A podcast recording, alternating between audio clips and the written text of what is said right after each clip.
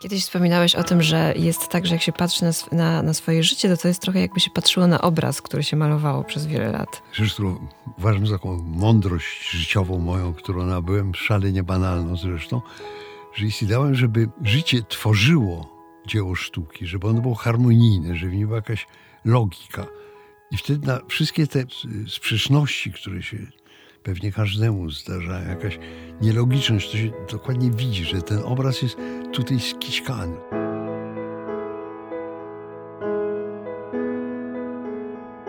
To by było bardzo fajnie, żeby na końcu, jak spojrzę na swoje życie, co za harmonijna panorama racławicka już się raczej tak bym nie opisał, że była taka panorama niesłychanie harmonijna. Ale pocieszam się, że Matejko też był krótkowidzem, więc on malował fragment po fragmencie, przedstawiając drabinę, ale nigdy swojego obraza w całości nie widział. Więc może jakoś Pan Bóg miłosiernie w jakimś muzeum je tam swoim zamieści. Podcast powszechny. Weź, słuchaj. Tu podcast powszechny przy mikrofonie Michał Kuźmiński, a dzisiaj w studiu ze mną dziennikarka, reporterka Tygodnika Powszechnego i autorka wywiadu rzeki z księdzem Adamem Bonieckim, Anna Goc. Dzień dobry, Aniu. Dzień dobry. Oraz we własnej osobie katolicki głos w Państwa domach, ksiądz Adam Boniecki. Dzień dobry, Adamie. Dzień dobry. A spotykamy się z okazji najszczególniejszej wśród szczególnych, dlatego że rozmawiamy tuż przed 85. urodzinami księdza Adama Bonieckiego. Adamie, jak to jest mieć 85 lat? Zależy z jakiego punktu widzenia się patrzy. Z jednej strony nie czujesz takiej wielkiej różnicy między tym, że ma się 80 a 85, to może jakieś tam drobne fizyczne niedomogi, na przykład słuch się trochę przytępia, wzrok, tak się odkrywa, że to już nie tak działa jak kiedyś, ale w zasadzie się funkcjonuje we własnym przekonaniu oczywiście tak samo. Y, sądzę, że w oczach y, innych to y, widać, jak on się ładnie starzeje, mówią uprzejmi ludzie, tak ktoś mi kiedyś powiedział, tak się ładnie ksiądz starzeje. Ale jest też, jest taki aspekt rozmowy, że tak powiem. Jednak każde urodziny to jest tak jak przesunięcie na niektórych zegarach elektrycznych, tak widać jak wskazówka co minutę pam, pam, posuwa się i czas oczywiście płynie ciągle, ale te urodziny to jest takie pam, drgnięcie tej wskazówki i on się, ona się zbliża do, do dwunastki, do, do punktu zerowego, czy jak to powiedzieć. To jest taki moment, który człowiek uprzytomnia, że, y, że czas płynie że życie się y, kończy. Zawsze sobie wspominam papieża, który, Jana Pawła II, który chyba nie lubił urodzin, bo tak bez entuzjazmu, dziękuję, że mi przypominacie, mówił. No cieszę się, bo jestem coraz młodszy, bo jestem coraz bliższy urodzin dla nieba. No. Y, ale to jest jakieś doświadczenie przemijania cenne. Jeszcze do samego faktu urodzin dodał, przeczytałem taką książkę kawałki tej książki przeczytałem. Y, jakiś autor francuski, ale tak gdzieś nocowajmy, ona była tam w pokoju u Parotynów w Paryżu i przerzucałem ją.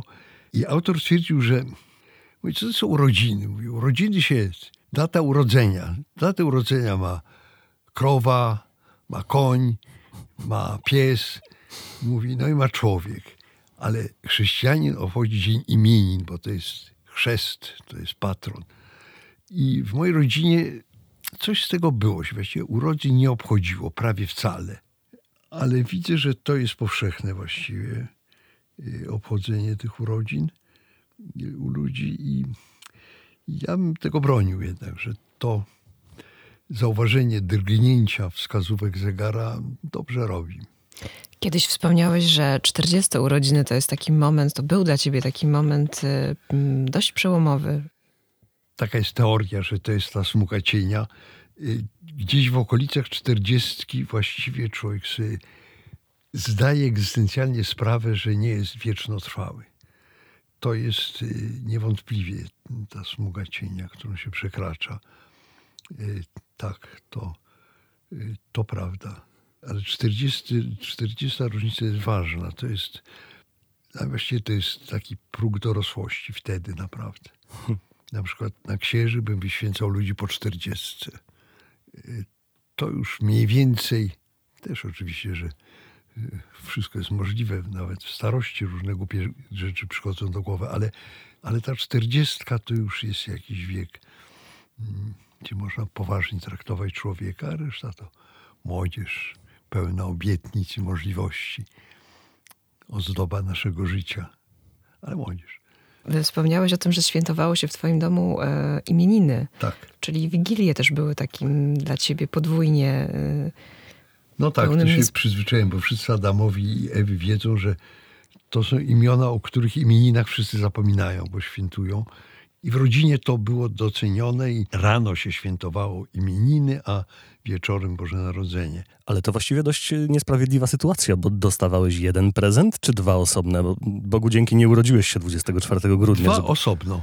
A, no to nie. Rano były prezenty imieninowe, To w porządku. a pod choinką, choinkowe. Nie, nie, pod tym względem duże wyczucie mieli moi rodzice.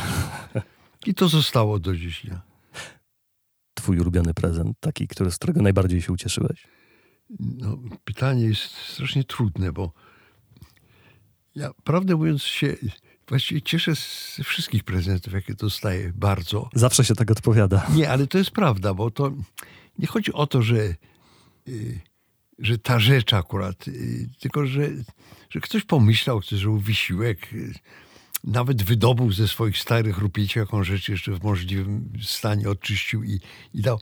To, to jest znak jednak i człowiek jest złakniony przyjaźni, życzliwości ludzkiej.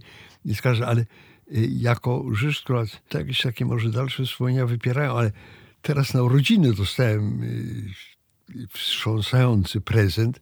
y, Telewizor. Miałem taki stary bardzo telewizor i producent tych telewizorów, zdaje się, ofiarował telewizor no, wielkości prawie stołu ping-pongowego. Y, To jest niesamowite. Takiego telewizora nie używałem nigdy. Y, Takie kino w domu.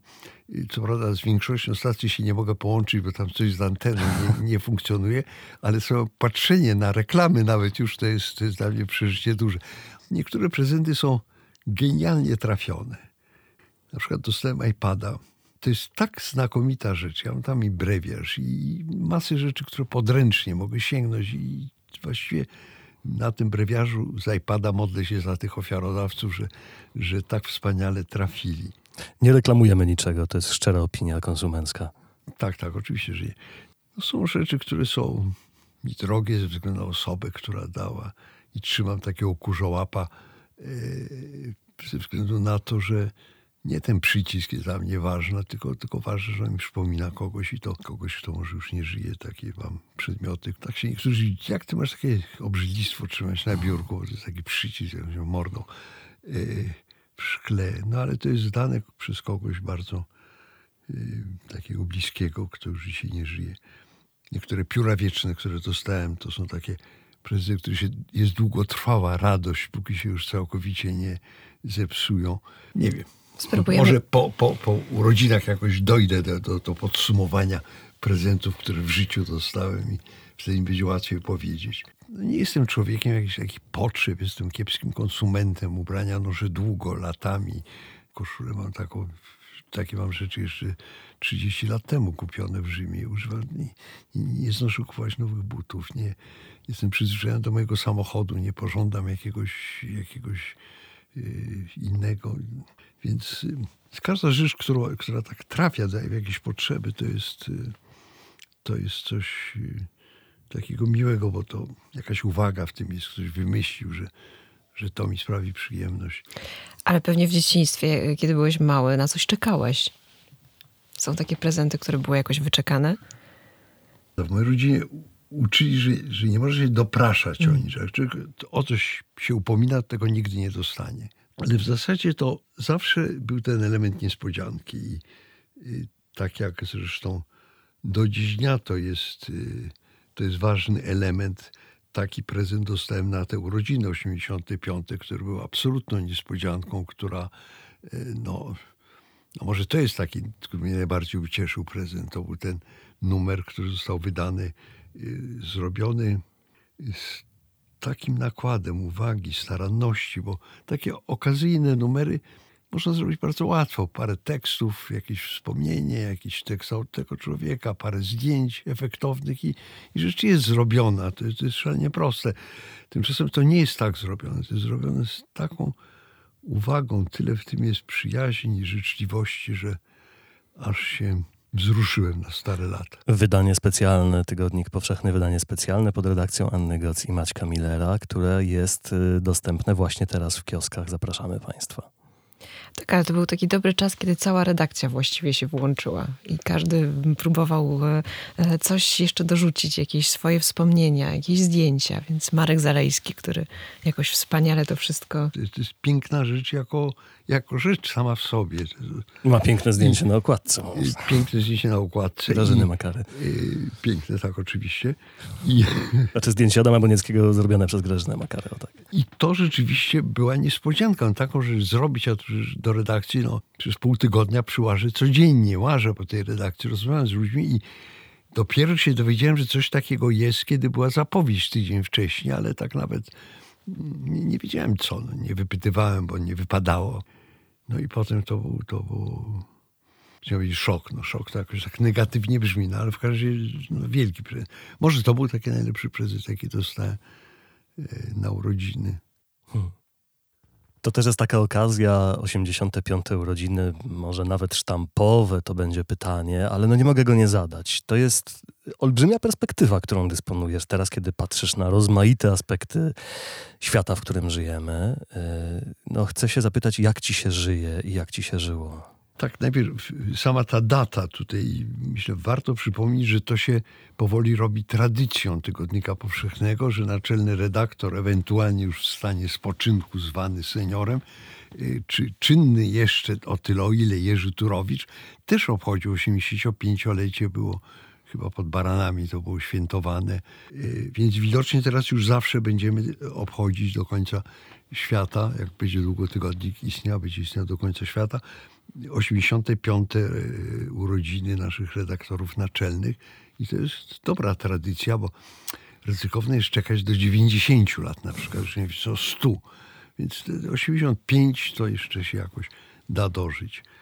Teraz co do perspektywy. Tak, to są dwie różne rzeczy, bo jest jakaś taka biblioteka wspomnień, obrazów, ludzi spotkanych. To jest takie zasoby nagromadzone i no to jest bardziej gdzieś tam w tyle głowy, w podświadomości, nie to, że się to wszystko pamięta. Niektóre rzeczy ostro stają w pamięci w pewnych sytuacjach, ale to nie jest tak, że, że, że ta pamięć bez przerwy jest, y, y, jest czynna i, i aktualna. A w sumie myślę, gdzieś się wytwarza, jakoś mózg to wytwarza, czy duch, czy co w człowieku, jakąś syntezę, jak, którą nazwał taką własną filozofią życiową. I to, co dla mnie z wiekiem jest to dystans do różnych rzeczy, że nie można się wszystkim nakręcać, cokolwiek jest y, no, w różnych etapach, w różnych nawet krótkich momentach są rzeczy, które są tak modne, są wszyscy o tym mówią, że się oburzają chórem albo wszyscy coś wychwalają. No, dzięki temu może czasowi, który przeżyłem, ponieważ tyle takich już sytuacji w takich sytuacjach uczestniczyłem się, przyjmując, szalejąc, pisząc o czymś, co, co, co, co po roku jest już zwietrzałe, banalne i nieciekawe, że tego się człowiek trochę uczy, że nie wszystkim się tak nakręca. Ten dystans chyba także do siebie, do własnych klęsk. To nie wiem dokładnie, może dlatego, że się trochę już wyszło y, z stadium konkurencji, w którym człowiek podświadomie nawet, nie to, że chcemy innych poniżyć, ale no, chciałbyś tak być najlepszym, no, mieć najlepszą punktację, najlepszy odbiór, podaje się ile, ile wejść było w internecie, no przyjemnie jest, że jak się jest w czołówce, to kiedyś to było bardzo takie napędzające, ile książek mi sprzedano. Muszę powiedzieć, że w tej chwili to y, naprawdę już tak nie działa. Co ma swoje plusy i minusy, dlatego że to jednocześnie jest pożywką dla lenistwa bo przy tym to napędzało człowieka i, i, i szybko napisze świetny artykuł, będzie na pierwszej stronie. Dzisiaj są takie rzeczy, które muszę zrobić. Wiem, że to będzie efektowne nawet. Tak się cholernie nie chce i ciągle coś innego ważnego i, i, i odpada. Ale to daje jakiś wewnętrzny spokój, nie spędza snu z oczu, nie, nie wprawia człowieka w taką nerwowość. Myślę też, że to pomaga w takim życzliwym stosunku do ludzi. To zwróć uwagę Jean Vanier, że ludzie starzy w rodzinie są tacy cenni, cenni, bo oni już nikomu nie zagrażają. Że oni się cieszą sukcesem wszystkich. Że y, wyłączeni z walki są zawsze obecni jako, jako ktoś, kto kocha. I, a poza tym, no jednak to doświadczenie, ale to już od czterdziestki liczę, które się nasila przy mielności. To jest y, mhm. wskazane, bo jak tłumaczą memento mori Kamedulskiej, nie zapomnij umrzeć. Kiedyś wspominałeś o tym, że jest tak, że jak się patrzy na, na, na, swoje życie, to to jest trochę jakby się patrzyło na obraz, który się malowało przez wiele lat. Że w tym są różne akcenty, jakieś rzeczy ważne, są, są, są ludzie, są wspomnienia. Rzecz, którą uważam za taką mądrość życiową moją, którą nabyłem, szalenie banalną zresztą, że jeśli dałem, żeby życie tworzyło dzieło sztuki, żeby ono było harmonijne, żeby w nim była jakaś logika. I wtedy na wszystkie te odejścia od y, sprzeczności, które się pewnie każdemu zdarzają, jakaś nielogiczność, to się dokładnie widzi, że ten obraz jest tutaj skićkany, że, że, to, że to jest poza logiką i to jest konsekwencja wyborów. No, w przypadku wyboru bycia zakonnikiem, bycia księdzem, yy, nawet bycia chrześcijaninem, no to dość jest określona ta rama taka ogólna i potem budowanie tego, że to by było bardzo fajnie, żeby na końcu, jak spojrzę na swoje życie, co za harmonijna panorama racławicka. No ale to się nie wraci, to już nie, nie cofnie się tego. No, moje życie to raczej tak bym nie opisał, że była taka y, panorama niesłychanie harmonijna. Ale pocieszam się, że Matejko też był krótkowidzem, więc on malował fragment po fragmencie, przedstawiając drabinę, ale nigdy swojego obraza w całości nie widział. Dokładnie, więc może jakoś Pan Bóg miłosiernie w jakimś muzeum je tam swoim zamieści. Ty przeżyłeś olbrzymi kawał historii Kościoła, współczesnej historii Kościoła, prawda? To jest, to jest Kościół przedsoborowy, potem Sobór Watykański, yy, czasy Jana Pawła II, teraz czasy papieża Franciszka. Chcę cię zapytać najprościej, co ty sobie myślisz o Kościele, kiedy patrzysz na te, na te ostatnie czasy? Duch wieje. Nie, nie patrzy na ostatnie czasy. Zawsze patrzy jednak na Aha. tą całość. No byłem w kościele, jestem księdzem od 1960 roku, więc jednak Spory kawał doświadczenia. W przyszłym roku będzie 60 lat. Czy przytomnie, świadomie uczestniczę w życiu Kościoła. Jeszcze miałem okazję być w Watykanie, pracować przez 11 lat, czy najwięcej w obserwatorze jako generał, więc być dość tak w środku, że tak powiem, instytucji. I ja bardzo przepraszam tych, którzy inaczej myślą, ale ja patrzę z zachwytem i radością, że ta radość dla mnie rozpoczęła się i to było wkrótce po skończeniu seminarium z Soborem Watykańskim II. Po prostu to wszystko się czuło, że uwiera, że jest jakieś dziwne w tym kościele. Nagle zostało nazwane po imieniu, nagle te okna zostały otwarte, powietrze weszło i rozpoczął się proces, który dla człowieka, który, który nie był wtedy, że ja powiem tak, zaangażowany w Kościół, sprowadza się do języka w liturgii, a rzeczywiście to jest proces zmiany mentalności. On powoli postępuje, zgoda, tylko ja widzę, że pewne rzeczy, które kiedyś były traktowane jako normalne, dzisiaj są nie do pomyślenia. Uh-huh. One są jeszcze dalej, ale są rażące. Każdy, jeżeli to się pokaże na światło dzienne, to widać, że to jest nie w porządku. Y, jakiś taki mm, przykład, który mi w tej chwili przychodzi do głowy. Stosunek do personelu kościoła, uh-huh. zwłaszcza do zakonnic. To jest naprawdę niebo i ziemia. Druga rzecz, stosunek do heretyków i schizmatyków. Tak się mówiło wtedy. Mhm. Cała moja seminaryjna formacja była podręczniki teologii. One za punkt wyjścia brały poglądy luteranów i nasza z nimi dyskusja. To jeszcze od Trydentu zostało. Y, oczywiście do tego nie, nie, nie ograniczało, ale to był punkt wyjścia. Jak ja uczestniczę w nabożeństwie, gdzie papież przewodniczy i są szefowie wszystkich religii świata i mówi, jest jeden Bóg nad nami i my wszyscy do niego. To są zmiany naprawdę wspaniałe, że one się powoli y, dokonują, to jest zrozumiałe, bo to nie jest, y, bo to sięga bardzo głęboko do, do, do człowieka. Potem papieże, no. Pius XII, którego, w którego kulcie byłem wychowany jako seminarysta, to był wielki papież oczywiście. On nawet przeczuwał, czy myślał o takich rzeczach, które potem się realizowały trochę. Znaczy papież bardzo trudny, w trudnych czasach, w czasie wojny. I potem ten Jan XXIII, niesamowity, który otwiera okna, który jest kompletnie inną postacią niż Pius XII. No i potem dalszy ciąg. Myślę, że Jan Paweł II był w tym procesie przybliżania człowiekowi Kościoła strasznie ważną postacią, bo jest cała lista rzeczy, które on zrobił pierwszy raz od założenia Kościoła, czy od czasu świętego Piotra. I teraz ten, kiedy wydawało się, że tu wszystko jest rzeczywiście, te wszystkie drogi pootwierane, przychodzi Franciszek i idzie dalej i z pytaniami. Sobor budził sprzeciwy, Franciszek budził sprzeciwy. Ludzie lubią słuchać znanych piosenek, E, lubią, żeby księża nakazani mówili już takie rzeczy, które oni wiedzą, przewidywalne, takie przepowiadanie. Franciszek nie jest przewidywalny i kłopot z nim jest taki, ale Sobór znacznie bardziej nieprzewidywalny i też był, był straszny kłopot z nim. Więc ja widzę, że, że Duch Święty działa w Kościele. Mimo okropnych oporów, trudności, choćby to ujawnienie i cała praca nad y, tym zjawiskiem pedofilii. Już to było wieki w Kościele obecnym. Jakoś nikt tego, i tu trudno nawet powiedzieć dokładnie, kto przekuł ten, ten balon z gównem, więc to jest y, nie do odwrócenia w tej chwili.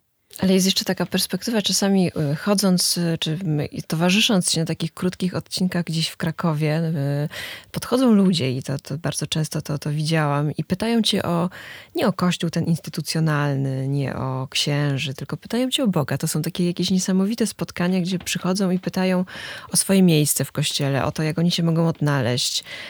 Są też tacy, i to też czasami widziałam stojąc obok, którzy mówili, proszę księdza, ja dzięki księdzu jestem w kościele. Że to, to są też takie spotkania i że to jest też, mhm. też ta opowieść o takim chyba kościele yy, i towarzyszeniu ludziom, którzy gdzieś, zawsze mówiłeś, że można iść z kimś jakiś mały kawałek drogi. Że nie, z kimś. Tak, nie przywiązywać do tak, siebie tak, ludzi. Na... Nie trzeba ze sobą wiązać. To, to jest, yy, ale tak, no niektórzy ludzie rzeczywiście mówią, że tak, dzięki mnie są w kościele, że im pomogą odnaleźć wiarę. Ktoś tam kogo przygotowałem do chrztu, zawsze powtarza, to mnie zawdzięcza. Ja mam naprawdę pełną świadomość, że ten mój wkład jest tak nieadekwatny do wyniku tego, że ktoś odkrył Boga, to na pewno nie dzięki mnie. Tylko, że Pan Bóg, jak trzeba było, to użył oślicy Balama, żeby przemówić do wątpiącego wieszczka, więc używa księdza i to z, po prostu z takich spotkań rozmaitych jestem świadkiem jakichś nawróceń, niekoniecznie z pogaństwa, czy z niewiary całkiem, ale tych przemian, które się dokonują w ludziach, ja wychodzę z tym poczuciem, że Bóg jest. No, Bóg jest, bo tego się inaczej nie da wytłumaczyć. Nawet nasz dział nauka nie wytłumaczyłby tego. To, to idzie tak głęboko i ma tak ogromną wagę w całym dalszym życiu tych ludzi. To jest taki przywilej księdza, no bo ksiądz wyzwala, ośmiela do takich tematów. Wiadomo, że to jest jego specjalność, że tak powiem. I taki, tak to się dzieje, że spotkania autorskie, których mam bardzo dużo, one moim zdaniem właściwie wszystkie można nazwać spotkaniami rekolekcyjnymi.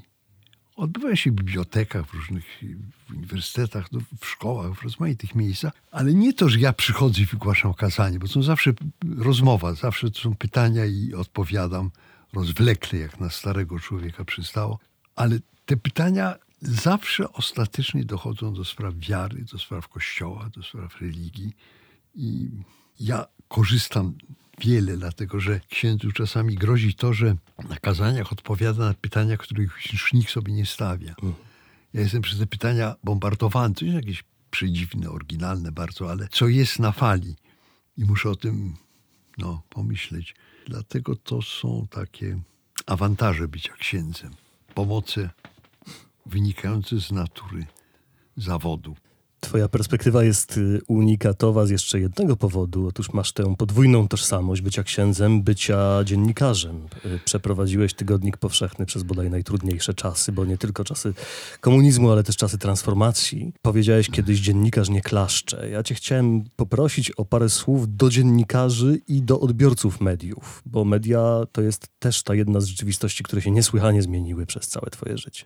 Tak, nawet się mówi, że jest upadek mediów, że one zresztą, no, nie wiem, czy jest upadek, po prostu jest ich tak wiele teraz w Polsce, że są takie, są takie, są czysto komercyjne, które są nastawione tylko, żeby sprzedać maksymalną liczbę numerów. Są takie, które się poczuwają do jakiejś misji, jak słusznie kiedyś powiedział na kulu Adam Michnik, że misja bez y, finansów to jest y, utopia. Finanse bez misji, to jest cynizm w mediach. Tak, jest odpowiedzialność, bo media jednak kształtują świadomość bardzo szeroką.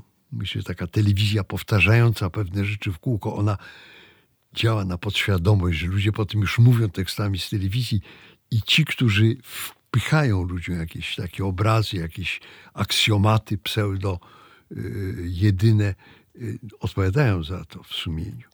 To nie jest bezkarne, że to jest modne, że to jest na fali, że tego się oczekuje od nich. To nie jest żadne tłumaczenie. Y, ale kształtuje świadomość nawet tych y, kilkunastu, kilkudziesięciu tysięcy ludzi. I myślę, że im ten przekaz jest głębszy, przemyślany, kompetentny, można powiedzieć, że rzeczy sprawdzone, uzasadnione, y, tym myślę, to ma większy wpływ, szerszy, bo jest ten efekt mnożnikowy, że czyta to nauczyciel i zaczyna tak myśleć. Nie to myśleć, co on powiedział, tylko taki sposób myślenia, jaki spotkał na przykład w Tygodniku Powszechnym. Sposób krytyczny, pozytywny, bez wyszukiwania, kogo atakować, tylko jaka sprawa wymaga krytycznego mówienia, gdzie jest problem. I on uczy klasy, w której jakoś zaraża tym swoich uczniów. Oni będą zarażać innych. Ten, ten, ten czynnik mnożnikowy jest szalenie istotny i to wszystko ma swój wpływ i, i to nie jest byle co, co robimy. Powiedziałem jeszcze, że dzisiaj dziennikarstwo się obejmuje tyle rzeczy, y, które są pewnie dziennikarstwem, ale szereg czynności się robi bez żadnego poczucia odpowiedzialności, no bez sensu. Że przy takiej szerokiej możliwości komunikowania masowego, jakie jeszcze dają y, te różne media społecznościowe, te różne urządzenia elektroniczne, y, takiej tandety się masę ładuje, y, niesprawdzonych informacji, no byle czego. I w tym wszystkim jaśnieją jak jasne gwiazdy na firmamencie ci ludzie, którzy są naprawdę dziennikarzami, którzy mają wpływ na budowanie czegoś dobrego. I ci dziennikarze, którzy no, przez w różnych rodzajach y, uprawianego dziennikarstwa, to być reportaż, mogą to być eseje, mogą to być felietony, czy jeszcze coś innego. Powiedziałbym nawet fotografie, którzy odpowiadają za myślenie ludzi i to nie wiedzą, jak daleko to sięga, do kogo to dociera. Dlatego to nie jest żart być dziennikarzem. Czego sobie życzysz, Adamie, na 85. urodziny? Parę dni temu zacząłem przy kościele jakiś taki sympatyczny człowiek. Powiedział, że bardzo się cieszy mnie widzi, bo od lat chciał mnie widzieć. Po czym powiedział, bo już się zbliża czas sądu. I wy, Pieronek, i wy wszyscy staniecie przed sądem, powiedział już głosem zirytowany. Życzę księdzu dobrej śmierci. Powiedział, nawzajem panu życzę. Ale tak po namyśle pomyślałem, że to było dobre życzenie. Że najbardziej to sobie życzę dobrej śmierci, a potem różne inne rzeczy przyjmuję tak, jak przychodzą.